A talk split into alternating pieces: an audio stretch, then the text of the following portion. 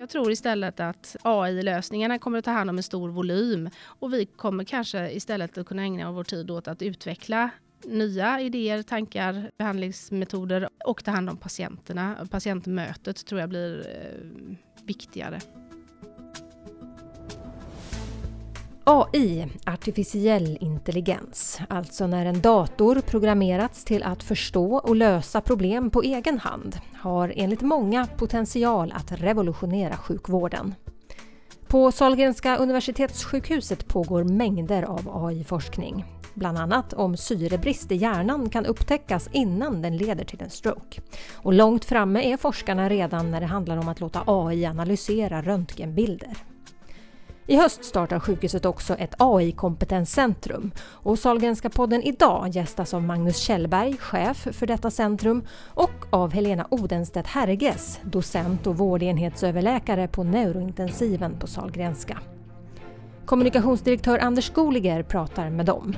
Först Helena om hur AI kan komma in där hon jobbar med svårt sjuka patienter.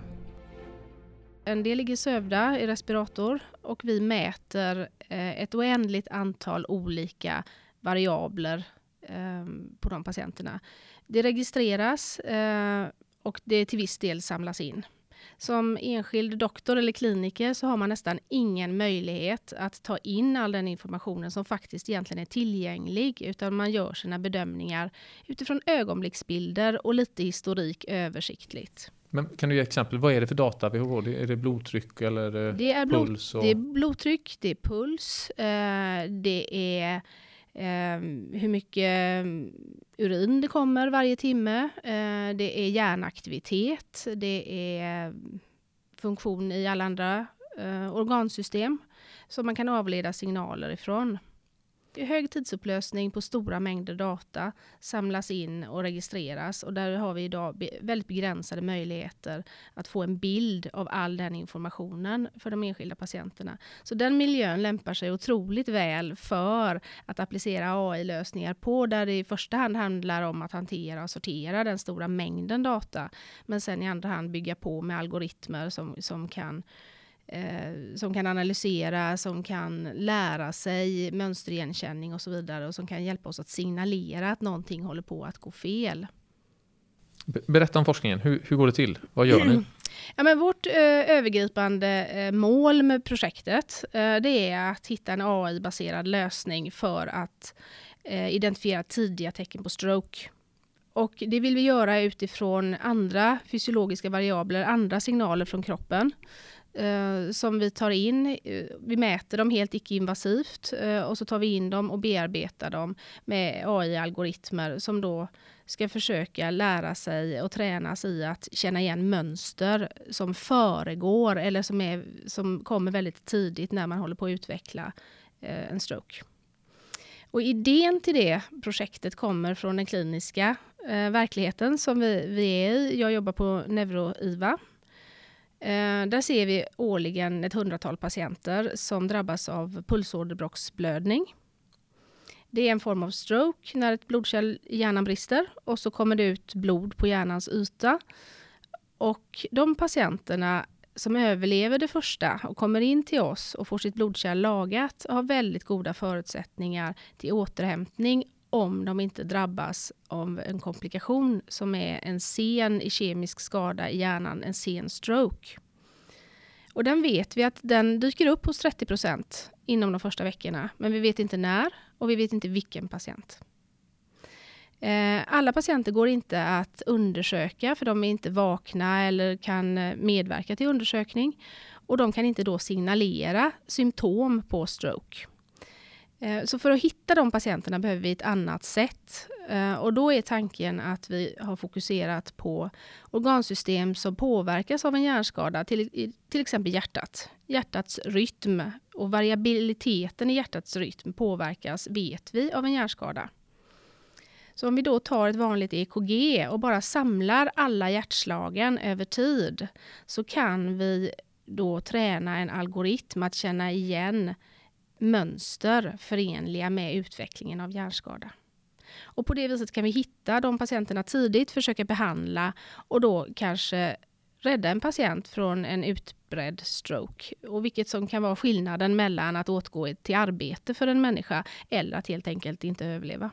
Och potentiellt så är ju det här då inte bara applicerbart på mina 100 patienter utan det finns ju andra tillstånd Eh, när människor riskerar att drabbas av en dålig eh, blodcirkulation till hjärnan till exempel om man är allvarligt sjuk, om man varit med om, om något trauma och blöder mycket, om man är sövd på operation till exempel, har blodförgiftning eller hjärtsvikt. Så det finns egentligen en stor grupp av patienter som skulle kunna dra nytta av en motsvarande teknik om den, eh, om den går att utveckla.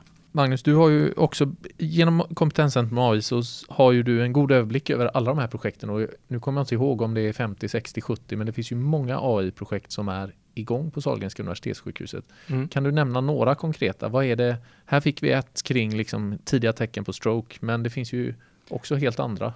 Ja, jag kan ju nämna något, eller ett område som är ganska moget, det är liksom bild, bildanalys med hjälp av AI. Det, är, det har ju kommit långt i allmänhet och det slår ju även igenom hos oss inom, inom vården då, så att där vi har bilddiagnostik till exempel är ju AI ganska långt kommet och där finns det ju flera mogna lösningar. Så att vi tittar ju på till exempel om vi kan köpa in olika lösningar, till exempel till radiologi, där, där en radiolog kan titta, liksom få, eh, få stöd av en AI för att titta var, var i bilden bör jag fokusera, var ser vi konstiga förändringar eller kanske till och med en AI kan föreslå diagnoser. Det kan vara lunginflammation eller ja, covid-19 nu senast till exempel. Så att det, den typen av AI eh, just kopplat till bild är något som är väldigt, eller har kommit väldigt starkt senaste åren. Så.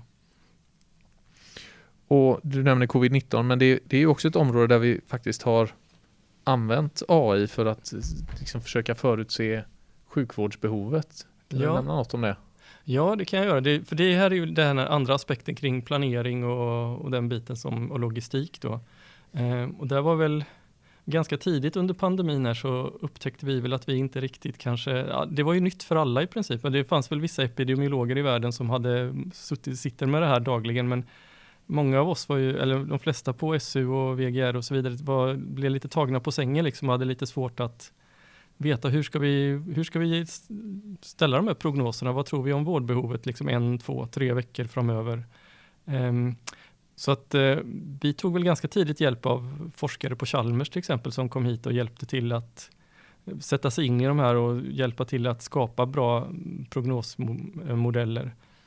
Eh, Magnus, nu, vi nämnde ju inledningsvis kompetenscentrum och AI, men vi har inte sagt så mycket om vad, vad är det? Kan du berätta lite? Mm. Vi har ju liksom fokuserat på AI på SU senare, eller fokus, ja, men vi, har, vi har i alla fall satsat en del de senaste par åren så att det är ett ganska naturligt nästa steg kan man säga och det är att vi försöker samla lite viss, eh, vissa så stödfunktioner, framförallt då AI-kompetens, för det är något som har varit efterfrågat från många håll. Eh, man också behöver liksom kanske stöd kring dataåtkomst och eventuellt juridiska frågor och sånt. Så att vi försöker samla de här stödfunktionerna eller stöden egentligen ehm, så att, så att vi kan liksom eh, stödja och skapa möjligheter för, att, för verksamheter och kliniker och forskare att driv, bedriva AI-utveckling eh, på något sätt. Skapa förutsättningar egentligen för liksom AI-utvecklingen på SU. Um, ehm, och kärnan är, får man väl säga är ju liksom AI-kompetens då, för det är väl det som varit efterfrågat och det som vi inte haft tidigare. Så att vi har vi är ju ett par, eh, par tre, fyra stycken data scientists nu som, som just programmerar, kan skapa AI-algoritmer och ska hjälpa till att stödja kring i, i detta. Då. Hur ser du på det här? Nu är det mycket forskning som vi bedriver och tar fram kanske algoritmer och testar dem och validerar och så vidare. Och det är ju det som du berättar om också. Men sen har vi hela den här kommersiella sidan av AI. Så att säga. Det kommer väl dataprogram som vilka som helst så att säga. Det köps ju in. Vi använder ju massa dataprogram som är som säljs av företag så att säga. Ja. Och det behöver vi också kanske ta in i vården eller kunna testa och hur ser du på det liksom? Det finns ett forskningsspår och sen finns det någon sorts ja, kommersiell där det kommer färdiga produkter som är godkända och så framforskade och så. Mm. Ja, men jag, jag, tror att vi behöver, behöver ju hålla båda vad säger man, spåren öppna eller tankarna i luften, liksom, eller bollarna i luften säger man.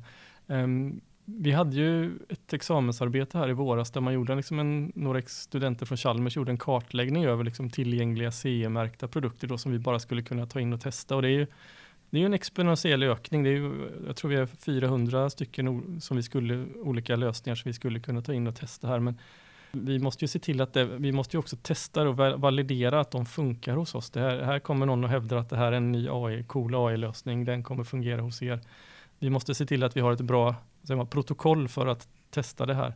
Både liksom att det ger det liksom utfallet som vi vill ha, men också kanske se till att det passar in i de processerna vi jobb, hur vi jobbar nu. Att det är en AI-lösning som, som är jättebra, kanske inte alls ger någon, äh, ger någon nytta för oss här, för att det är inte så vi jobbar. Så det, det, finns många aspekter att ta hänsyn till. Då, men, men som sagt var, det, det, det är viktigt att både se, till, både se till forskningen, men kanske också mm, liksom mer mogna produkter och se hur vi, vi kan få in dem i klinisk tillämpning. Jag tror att man måste se AI-lösningar eller nya tekniker som använder AI eh, precis som på alla andra metoder som vi inför i sjukvården eller alla nya läkemedel. Det måste vara eh, grundligt utvecklat men också grundligt beforskat och testat innan man kan ta in det i vården. För det måste vara pas lika patientsäkert som, som allting annat och man får inte ta med sig felkällor, i synnerhet inte för att man inte har förstått båda sidorna av det eller svagheter i metoden. Jag får inte hitta mina diabetespatienter till exempel med AI genom att mitt, min AI-algoritm hittade alla som fick insulin. Eh, så det gäller att veta vad man gör och där blir samarbetet helt avgörande för att skapa säkra modeller som också måste vara väl testade och, och prövade innan de införs. Det här med när man hör då att eh, AI kan titta på på, på bilder och liksom kanske föreslå diagnos.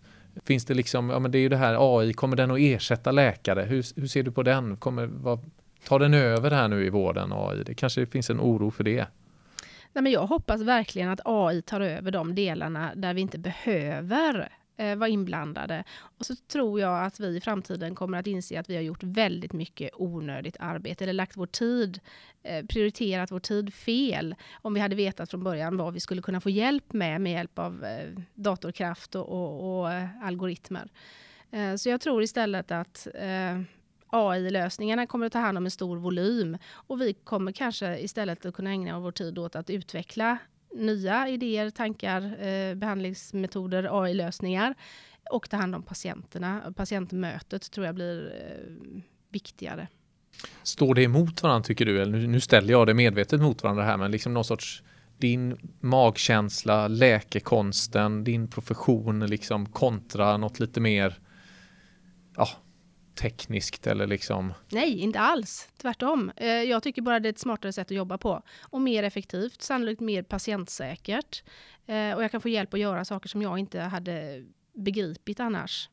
Eh, så att jag tycker bara vi ska välkomna det. Men vi måste veta vad det är för lösningar vi inför. Vi måste veta att de är säkra. Och de måste vara välgrundade, välbeforskade och studerade innan vi tar till oss dem det som är absolut avgörande är att ha bra eh, teknisk samarbetspartner i detta för att kunna utveckla det inom, det är väldigt få med, inom den medicinska professionen som har möjlighet att ha den kompetensen så att man kan göra detta eller föreslå de här lösningarna själv.